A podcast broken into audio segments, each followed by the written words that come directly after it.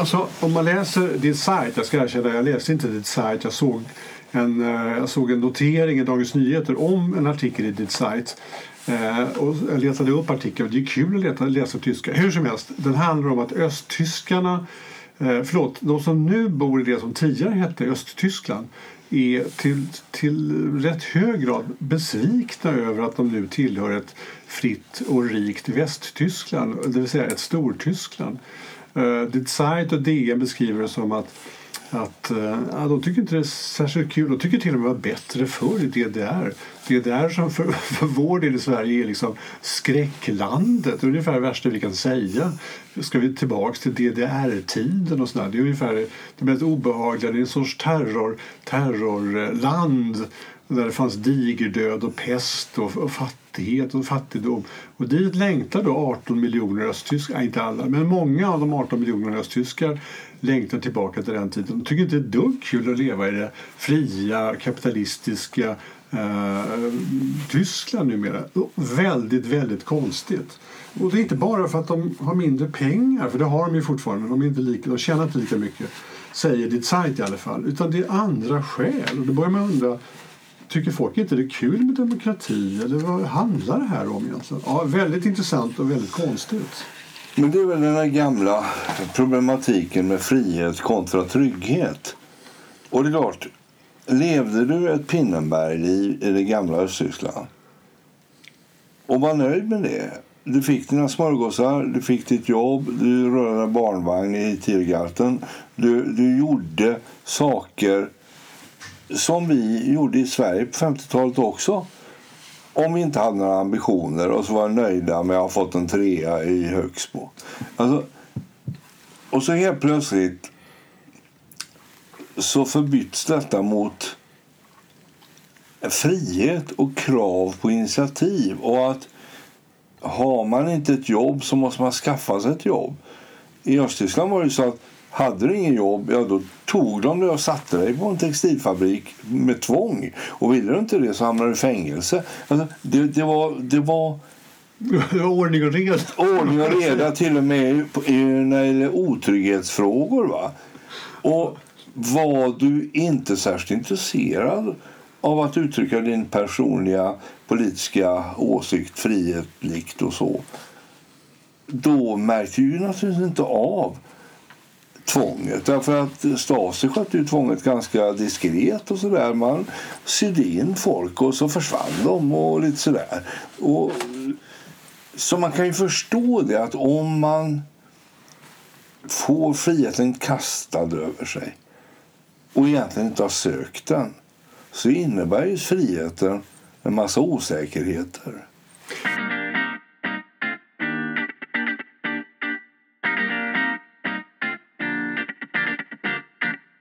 Det svåra att förstå tycker jag är att, att frihet, den här osäkerhetskänslan när det gäller frihet att den blir så stark så att jag är beredd att överge friheten för att slippa osäkerhetskänslan. Men det är, den är svår att förstå. Alltså. Ja, men den, den... Jag håller med, det är nog så men, men den är inte lätt att sätta sig in i. Alltså. Mm. Men jag tror att det beror på bristande eftertanke och insikt. Va?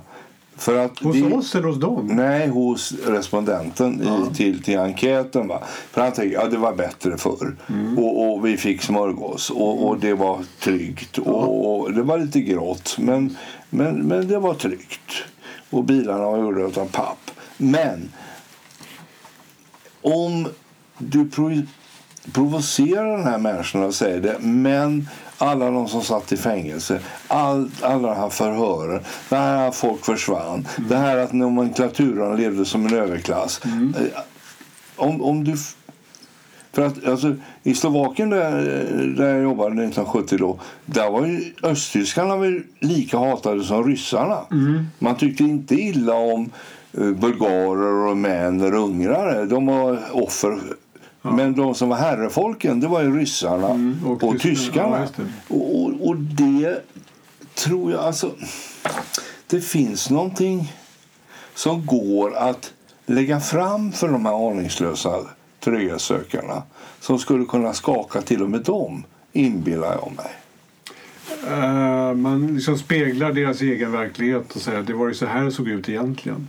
Ja, alltså man, man, man tar av yt, ytlagret och säger... Och då svarar naturligtvis vän av ordning, ja, men här i, i Västtyskland kan man sitta på gatan och svälta. Det slapp man i alla fall i Östtyskland. Ja, det slapp man. För antingen så hamnar man på textilfabriken eller så hamnar man i fängelse. Vi, där lät man inte någon sitta och tigga. Men jag undrar, jag undrar om det möjligen kan vara också så att just i Östtyskland så var levnadsstandarden anständig. Förstår du vad jag menar? Att den var, det, det var ändå så att de var, det var precis det här att de var herrefolket. Det var, det var liksom ett Tyskland i, i öststatsgruppen.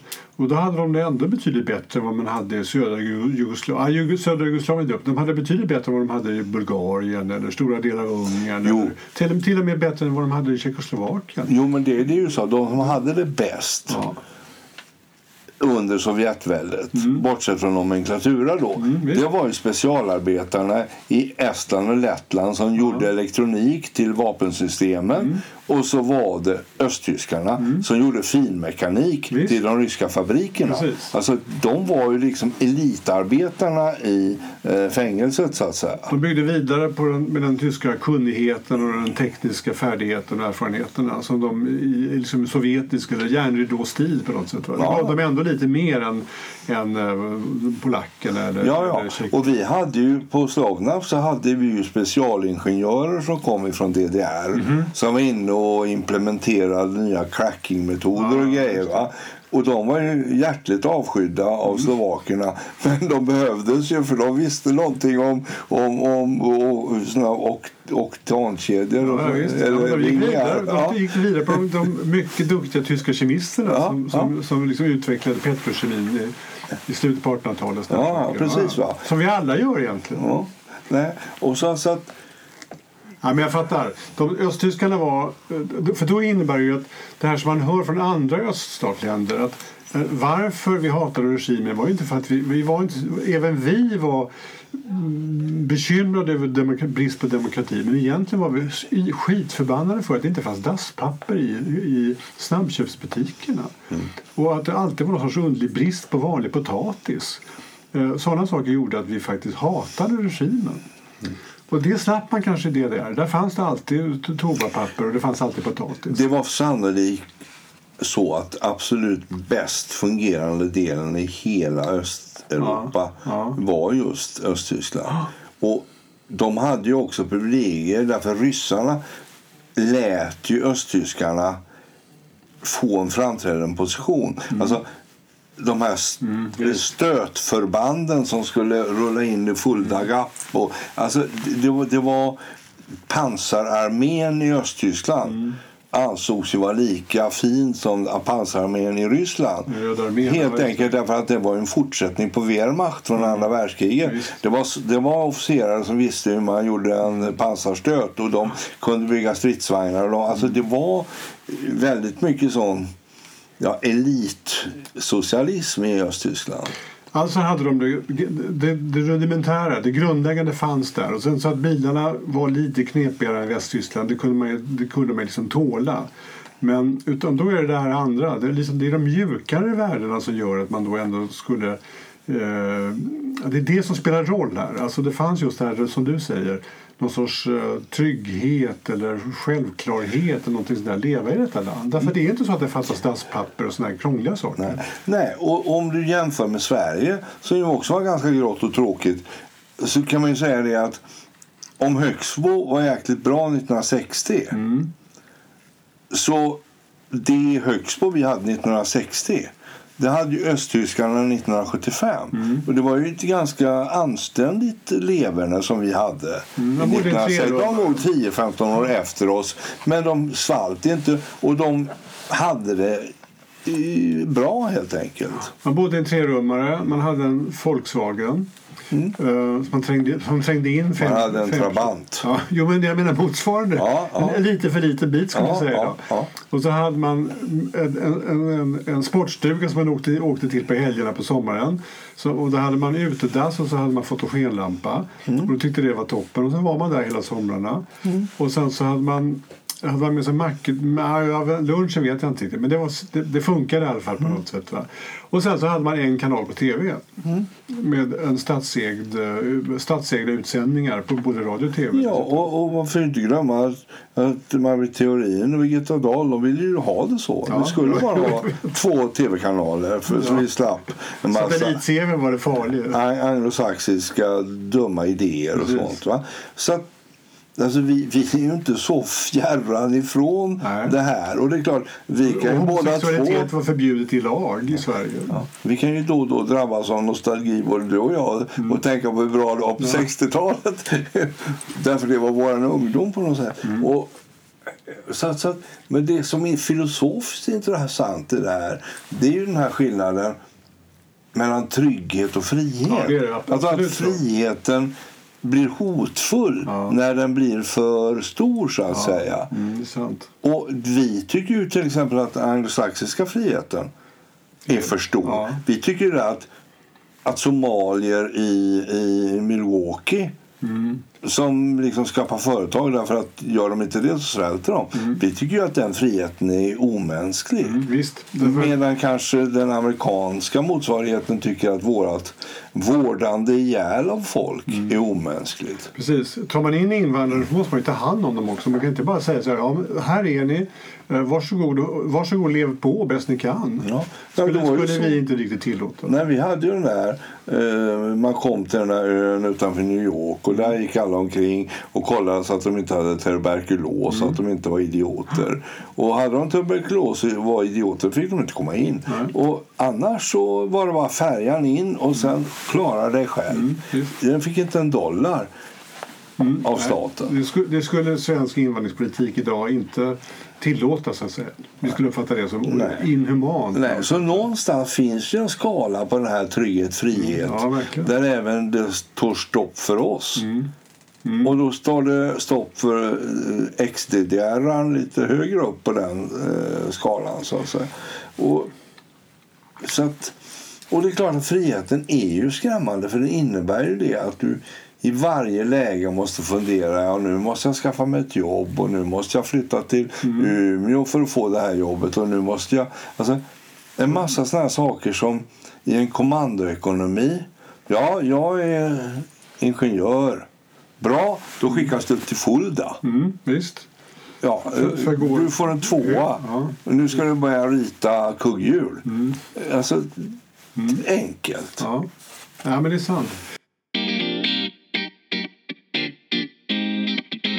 Det jag funderar på också det är ju ehm, vad innebär det för demokratin? Är det så att demokrati då är också mindre viktigt på något sätt? Alltså demokrati det är bra att ha när vi behöver ändra saker men, det, men, men om det vardagliga livet löper på och det fortfarande finns dasspapper på, och potatis i affärerna och sommarstugan och fotogenlampan fungerar så behöver vi inte demokrati egentligen. Vi, vi bryr oss inte om det. Ja, men nu, nu, nu är vi ute på, på, en, på en svår filosofisk fråga. För dagens debatt om eh, demokrati den är ju dels den som du får fram nu, men det är ju också den här debatten. Är det så att när folk får det för bra, har varit demokrati för länge och inte vårdar demokratin längre, Ja. då leder demokratin till populistisk autokrati därför folk är för lata, för mentalt omogna, för ja, helt enkelt korkade för att tänka efter och så röstar man fram Sverigedemokrater och, och, och dess motsvarighet. Man lämnar, man lämnar, så, fort, så fort någon märker att, att befolkningen i stort inte bryr sig längre så, så lämnar det alltid utrymme. Det finns ett maktrum, det finns ett maktutrymme för populister helt enkelt. Alltså. Ja, Ja, att du får det visst. så bra så att du behöver inte oroa dig för någonting. Och då kan någon väcka oro för främlingen. Visst. Det är han som kommer från grannsocken eller han som kommer ifrån Afrika. Ja, alltså, EU. och då säga, men jag är beredd att skydda dig mot främlingen. Visst. Och då får man politiskt utrymme och makt. Och, och, och det finns ju många som säger... Alltså, hade man sagt för 20 år sedan att demokrati ska hållas inom ramar då hade ju folk tyckt att man var tokig. Och vi har ju en, ända fram till för två, tre år sedan har vi pratat om att 14-åringar kanske skulle ha rösträtt. Ja, visst. 16-åringar och sådär. Och nu har det ju det där på att svänga runt. Nu börjar man- man ju på att prata om att ja, eh, skulle man... Det finns ju de som säger ja, men ska man inte kunna tala svenska för att få rösta i kommunalvalet? Mm, och, och, och, sådär. Men demokrati ska bäras av vuxna förstående människor. På något sätt, Mm. ja. Och det är ju inte demokratins villkor. Utan det är ju så att om majoriteten vill ha på ett visst system Mm. så ska det vara det systemet under förutsättning att inte majoriteten innebär en diktatur för minoriteten. Alltså minoriteten ska hela tiden få ha sina mänskliga fri och rättigheter. Ja, det, det är ju... Och, och det är ju liksom den dem- demokratiska eh, ska säga, våg, eh, vågmästarproblematiken. Så även om alla kineser skulle rösta Mm. på, på eh, Röda Kina så skulle det ändå vara illegitimt eftersom uigurerna inte skulle rösta på det. Ja, alltså, man skulle kunna tänka sig... Alltså, jag tänkte på det här indiska exemplet då, där, där de som bor i Kashmir, som ofta är muslimer, de, de lär ju nog ha rösträtt i Indien. Men majoriteten är så, så stor och så hinduisk så att, så att eh, den nuvarande regeringen i New Delhi tycker att de har, de har rätt att börja förtrycka eh, muslimerna i Kashmir. Vilket de inte har enligt Nej, gängse demokratisk definition. Självklart, men ändå är det så att med ett stort, bra röststöd i ryggen så tycker de att de kan börja tafsa på Kashmirs självständiga... De har en viss självständighet, eller hade i alla fall. Ja. Och, och låta muslimerna liksom leda, leva under ett annan typ av välde än, än vad man gör i andra delar av Indien. Och det där är väldigt bra sån här Det är ett bra exempel på... syratest. Ja, visst.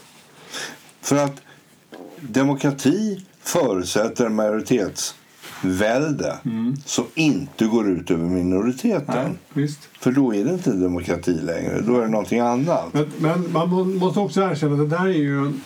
Den är ju inte absolut. Den borde vara absolut, men den är ju inte det. Och det, man, det finns en massa exempel i vårt snälla land över där de demokratiska besluten plötsligt in, inkräktar på en grupp eller en, eh, en minoritet eller någonting sånt där. Va? På ett sätt som de egentligen inte får göra. Ja, så är, Samerna är ju det klassiska.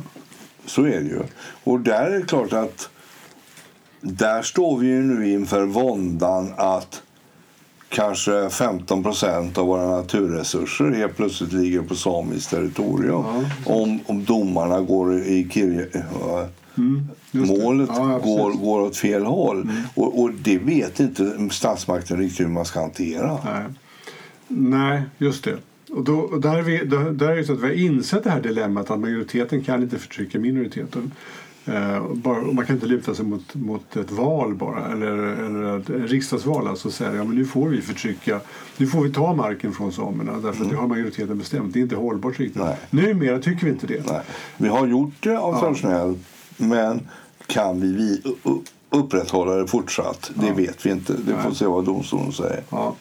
Men tillbaka till, till, tillbaka till Östtyskland. Om man tänker sig, om vi fortsätter med det här resonemanget så, så undrar man då, det vore intressant att veta eh, alltså, hur ser det ut i de andra östländerna? Vi har ju redan, vi har redan beskrivit Östtyskland som kanske speciellt jämfört med de andra, alltså något rikare. Då undrar man hur de, de konstiga tendenser som man ser i i Tjeckien och Slovakien eller Bulgarien eller Ungern härstammar de ur samma eller kommer det liksom av helt andra skäl? Är det så att de helt enkelt är så ovana utlänningar så därför är de så är det, därför är de invandrarfientliga. Finns det sådana enkla metoder? Och att egentligen uppskattar de sin egen frihet att kunna få bestämma själva. I motståndet mot EU egentligen att ja, men vi är så jävla trötta på att det sitter en övermakt och bestämmer över oss. Förut hette det Sovjet och nu, nu heter den Bryssel. Och vi är lika trötta på det oavsett vad den heter. Det var väl bra att vi fick vara med men vi måste fan få bestämma själva. Är det så det ser ut? För det skulle man kunna tänka sig. Det är nog naturligtvis en massa sammanfallande faktorer. Men en faktor tror jag är det att de här länderna är så nya. Inom citationstecken.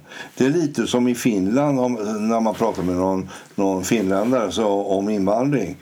Så kan han säga, som någon sa till mig, ja men vi har varit ett eget land bara sedan 1905. Ja. Ja, eller 1917. Eh, Eh, Vi, och, ja, just det, vi håller på att upprepa, upprepa, upp, vad heter det, åter, vi upprättar det fortfarande på något sätt. Va?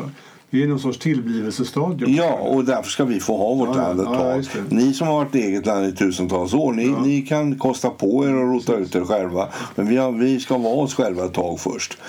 Mm. Men, Ja, men det kan, det kan jag förstå. Gud vad skönt att vara Bulgarien. Nu är vi faktiskt Bulgarien. Vi får bestämma. Och, eh, och, och då vill vi inte hamna i läget att Bryssel sitter och säger att ni måste ta emot eh, tusentals syrier just nu.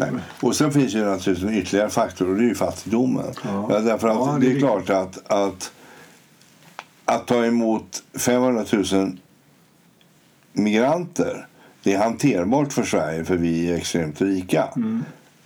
Det är ju en helt annan ansträngning på Rumänien eller Bulgarien. Ja.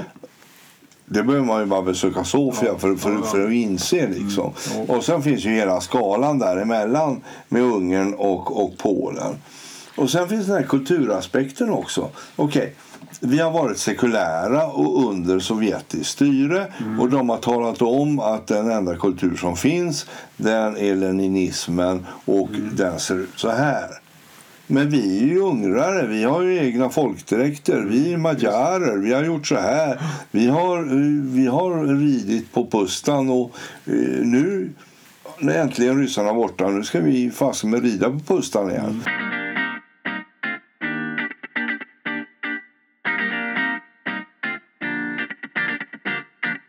Det jag menar då är, där kanske det ändå är så att man tycker att tiden, alltså tiden efter Sovjet och järnridån kanske ändå är bättre än vad den var innan. Förstår du vad jag menar? Alltså att, inte, att, att om man skulle göra motsvarande pejling där som man gjorde i Östtyskland så skulle man inte höra att det var bättre förr. Utan man säger kanske, vi vet inte, men man kanske säger ja, men det är nog rätt bra att, att, få, att få vara ett eget land utan att de bestämmer. Vårt, vårt dilemma just nu är att Bryssel kommer hit och då talar om massa saker. Men, Se- men, men det är lättare än Sovjet, eh, Sovjettiden. Sen tror jag också att sådana saker som historien efter andra världskriget spelar roll. Va? Därför att alltså, upproret i Budapest 1956 är ju en nutidshistoria som är väl känt och väl ska jag säga, inkorporerat i den ungerska folkuppfattningen om, om världen. Samma sak det som hände i Polen med Lech Wałęsa och alltihop det här. Och Tjeckoslovakien. Eh, och Tjeckoslovakien 1968. 68. Alltså, de har ju fortfarande det här i ryggen att ryssen kommer och förtrycker oss. Ja. Och Östtyskland, den här lilla upprorsungen som fanns 1953 den är så långt tillbaka och var så lite påverkande så det minns inte östtyskarna längre. Och så var det efter kriget och de hade ändå vunnit. Ja, ja. Alltså det, det, var en, det var en... Det känns inte som om östtyskarna uppfattar den ska jag säga, nedslagningen, eller den kontrollen av Berlin och, och Östtyskland som lika traumatisk som Pragvåren till exempel. Nej, man hör ju också i Polen att hur nationalistiska och populistiska och konstiga de än är så numera alltid, kan man alltid misstänka att de är liksom lite, de gillar Ryssland på något konstigt sätt. Så i Polen är ju det självklart. Ryssland avskyr man, hatar och tro, misstror i Jo, grunden. och det är ju inte så konstigt. Nu har vi haft ett minne alldeles nyss av eh, Molotov-Ribbentrop-pakten. Visst. Ja, vad- vilka var de stora förlorarna? där? Ja, Finnarna och polackerna. Ja. Helt plötsligt så delar de. Och sen när det stora upproret 1944 i, pra- i, i Prag Mot, mot nazisterna menar du? Ja, då ställer sig ryska armén för fot gevär på andra sidan floden och låter de absolut värsta förbanden i tyska armén Dirlewanger eh, och, och SS, eh, alltså deras absolut mest brottsliga eh, förband får härja fritt i Warszawa och i princip jämna Warszawa med marken. Därför att ryssarna ville inte ha ett livskraftigt Polen när de tog över. Ja, de sköt ju 10 000 polska officerare. med Katyn. Alltså, det är klart att polackerna har ett väldigt, väldigt traumatiskt förhållande till Till Ryssland. Ryssland, ja. Verkligen. Mm, ja. På samma sätt som till Tyskland. Men, det- men, men självklart, alltså hamna under sovjetisk Ja. stövel sen var ingen kul. Alltså. Ja, och så har ju Polen varit delat tre gånger. Jag menar, eh, general Mannerheim han var ju chef för ett ulanregemente i eh, Warszawa. Men det var ju ett ryskt regemente. Det var ju liksom en del av Ryssland då, Polen.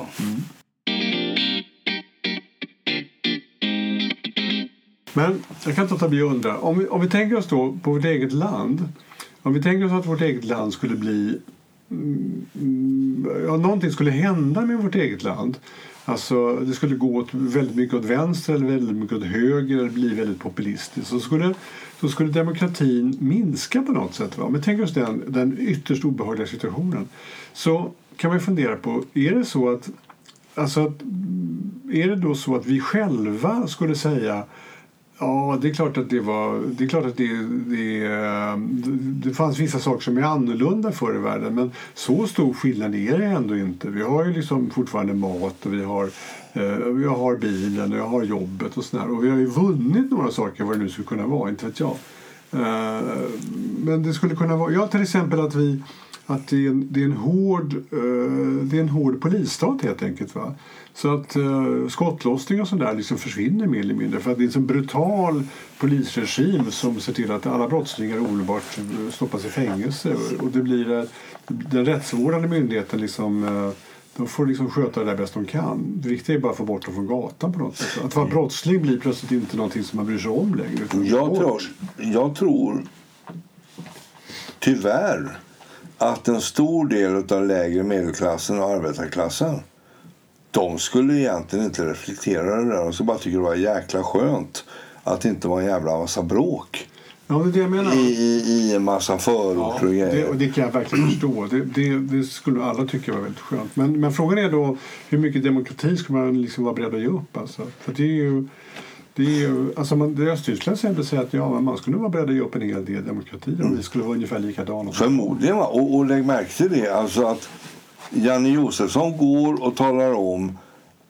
att statsmedia har undertryckt en hel verklighet och i princip varit medskyldiga till barnmisshandel under åratal genom att inte låta mer än en röst vara hörd i den här eh, frågan om de apatiska barnen. Ja, alltså, alltså, vi är ju själva så oreflekterade när. Alltså, jag gick ju inte på gatorna och demonstrerade mot Sveriges Radio när de höll på med de här eh, eh, autistiska barnen, eller de här Nej. barnen. Jag, jag trodde ju att, de, att det var sant det de sa. Ja. Jag kunde ju inte tro, och jag är ändå en ganska kritisk person. Mm. Jo.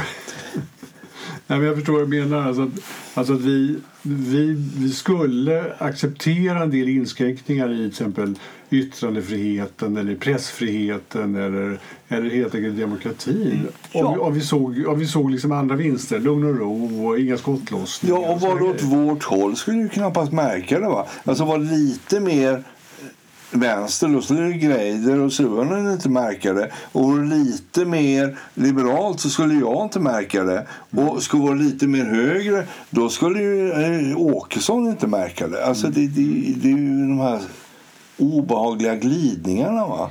Alltså, vilken verklighet är det man tolkar i varje givet ögonblick? Men då undrar man ju också, om man går tillbaka till Östtyskland i alla fall.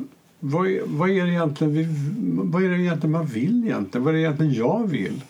Alltså förstår du vad jag menar? Alltså vad är det jag önskar av det samhället? Det är klart att jag önskar att jag vill leva, jag vill leva ett samhälle som är, som är ordning och reda och tryggt och sådana saker. Men jag vill ju faktiskt att det ska finnas demokrati även om den, inte, även om den går mig emot. Ja, det finns ett, jag, har också ett, jag vet också att jag har en, en ett, eh, vad ska man kalla det, ett mjukare värde. Jag tycker faktiskt att skillnader i inkomst eller i förmögenhet eller i den typen av resurser inte ska vara för stor. Man kan acceptera skillnader men den får inte vara för stor. Alltså, men sen tycker jag faktiskt att demokrati har ett egenvärde. Den, den är ju extremt viktig tycker jag. Sen tycker jag det är dåligt att vi inte fyller upp den ordentligt men den måste ju finnas där på något sätt. Och, och, och, och, det är inte bara, det är inte bara jag. Vi har ju båda två barn. Jag vill att de ska ha möjlighet att leva i en demokrati också så de kan påverka det, det statsskick och det sättet som samhället drivs. Och men, det är extremt viktigt tycker jag. Men är det inte den gamla vanliga Maslows eh, behovstrappa? Va? Alltså, har du inte mat och tak över huvudet så oroar du dig inte över abstrakta värden. När du har fått det, alltså man måste vara på en viss nivå på behovstrappan för att börja fundera i termerna demokrati, icke-demokrati, eh, frihet, icke-frihet och så vidare. För upp ett par steg upp så gäller det ju att ha käk och jobb på något sätt. Va? Och, och när man väl har det kan man börja reflektera över, över vad som ska säga, krävs när det gäller frihet. Men, det, det... Ja, jag förstår vad du menar. Men om jag tänker så här. Um, um, det, var ju, det var bättre i Sverige när det var mer ordning och reda i skolan. Och det fanns en viss auktoritär ton i skolan, ungefär när vi gick plugget. Mm. Uh, det, var, det var bättre då. Det skulle, kunna, det skulle man kunna säga. När, när, det, när skottlossning var extremt ovanligt. Alltså skottlossning på gatan var extremt ovanligt. Och de mord som skedde var ofta så kallad spritfest hemma hos varandra på något sätt. Uh, det, så skottlossning på öppen gata det var extremt ovanligt. Det var också bättre. Mm. Um, och det finns några andra sådana här saker. Då skulle jag kunna säga då, då bör vi väl gå tillbaka till den samhällsform som var då. Eller, jag är beredd att gå tillbaka till den samhällsformen för att det fanns, det fanns gynnsamma värden då. Då får jag inskränka på en del saker. Och det är ju där vi står och väger just nu. Därför att, jag menar, Suhon, nej inte Suhonen, utan Adnan Shkarabis testballong ja, om, en, om en hårdare politik mm. som var på ja, Facebook ja, häromveckan den är ju utskickad av sossarna för ja, att testa. Ja, är det så att vi faktiskt vill ja. ha en återgång till någon form av strukturellt folkhem? Mm. Därför att alla börjar inse det att det här att ha 50 ligor som här är i Stockholm mm. är inte långsiktigt hållbart. Och, och då är frågan hur mycket av våra friheter är vi beredda att inskränka för att få lugn och ro så att mm, säga. Precis. Precis just Och vi står ju precis i en ja, sån ja, brytpunkt just nu. Ja, det är det. Nu, nu är det Socialdemokraterna som driver frågan och de kan, jag vågar väl säga att jag vågar lita på dem när det gäller demokrati och statsskick. Mm. Så att säga, Det gör jag trots allt. Alltså. Men, men det, finns ju, det finns ju en filosofisk aspekt i det hela. Jag menar, en sån enkel sak som den konkreta frågan om anonyma vittnesmål som juridiskt sett, mm. var inte jag klar över, men juridiskt sett är ett ett dilemma verkligen. Alltså, det, ja, alltså rättsstaten. Ja, alltså, man kan ju säga det är ju jätteenkelt. Om folk är så nervösa så att de inte vågar vittna så måste man ha anonyma vittnen så att de inte blir skadade efteråt. Mm. För uppenbarligen, uppenbarligen kan vi inte hålla deras säkerhet tryggad efteråt vilket också är rättsstatens liksom, mm. det är dåligt betyg för rättsstaten. Men ändå, nu är det så. Ja, men då är det självklart att vi, vi anför anonyma vittnen, vi inför anonyma vittnen.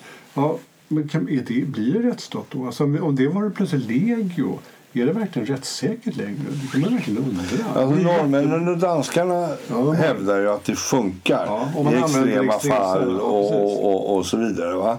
Och det är klart att för oss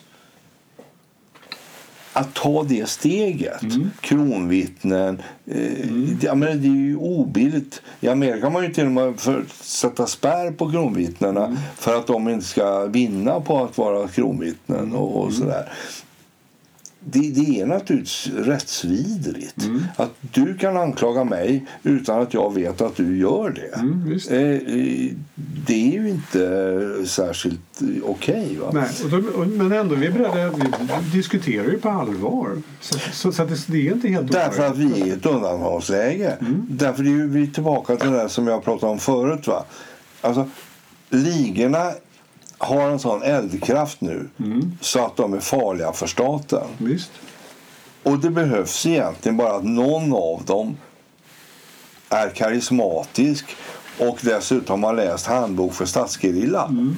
så får vi ju ett kvalificerat helvete. Då, därför att då får vi en, en brasiliansk situation Mm. och då exploderar ju våldet. För då måste ju staten försöka använda sitt våldsmonopol för att hålla tillbaka det här. För att det inte ska bli allmänt inbördeskrig. Mm. Men det blir ett lokalt litet inbördeskrig då i, Stockholms västra förorter. Och det vill ju ingen. va? nej. Jag hade förmånen att träffa någon som var nära statsrådsberedningen här om veckan på en middag och då pratar man så där som man pratar och, och, och så pratar man kom ju, skjutningarna kommer ju upp då. Och då sa jag det. Men har ni inte tänkt på det? Att det krävs ju bara att någon av de här gangsterledarna är lite extra karismatisk. Visst. Har en politisk agenda och har läst handbok för statsgerilla. Då blir det ju något helt annat än det vi har idag där de skjuter varann. Och jag såg ju då på den här personen att den tanken hade inte ens slått personen i fråga som då sitter mitt i makt, maktapparaten. Och, och jag blir ju nästan, jag blir nästan chockad över att de inte har spelat det spelet. Men är det inte det man ser i att det finns en viss eh, långsamhet i åtgärderna? Jo. Och nu Tyvärr alltså. Ja, men det som jag tänkte att du skulle säga det är ju det här att okej, vi litar på Socialdemokraterna och, och att de kan vara statsbärande och föra det här. Men vad händer när Åkesson helt plötsligt har 28 procent Ja, ja, och sossarna har, Ja, ja. 14, Ja, ja. har 16? Visst. Och det blir oundvikligt Ja, ja. att han kommer i regering. Ja, visst. Nej, men då är, då Och är vi en inför de här sakerna Precis. Blir det då en brasiliansk situation så är det helt förfärligt. Ja. För det kommer vi ju aldrig ur. Nej. För det är ju det som är det hemska. När väl strukturerna rasar Ja, men då är det som Argentina. Varje generation förstör ekonomin. Därför att man vågar inte lita på någonting. Så man tar alla stålar man kan och sätter dem i Schweiz. Eh, därför att annars tar staten dem. Eller någon maffiakung. Eller någon, ja. alltså, så det är väldigt, väldigt... Alltså, Uruguay gick ifrån att vara världens tredje mest stabila eh, eh, stat och, och, och med välstånd och, och sociala tryggheter och allting till att vara ett u-land på 15 år. Alltså, Men, ja, nej, men det är riktigt alltså. Men vi, vi måste sluta nu. Och, och det vi kommer fram till är att den situation som vi hör om i, i forna Östtyskland är inte så himla långt från till exempel vårt eget ordnade land. Utan det finns, en mänsklig, det finns ett mänskligt drag i det här behovet av ja, vanlig ordning och reda, lugn och ro, inget krångel. Alltså den typen. Och att vi, den, blir så, den, den driften blir så... Det är, stark, det är en stark drivkraft hos människan att ha det på det sättet. ja, det var inte dumt i en trea i någon rekordårsförort. Så, så är vi beredda att ge upp sådana här viktiga värden som demokrati eller till och med rättssäkerhet. Alltså. Och det skulle vi förmodligen vi i Sverige också vara beredda att göra. Förmodligen.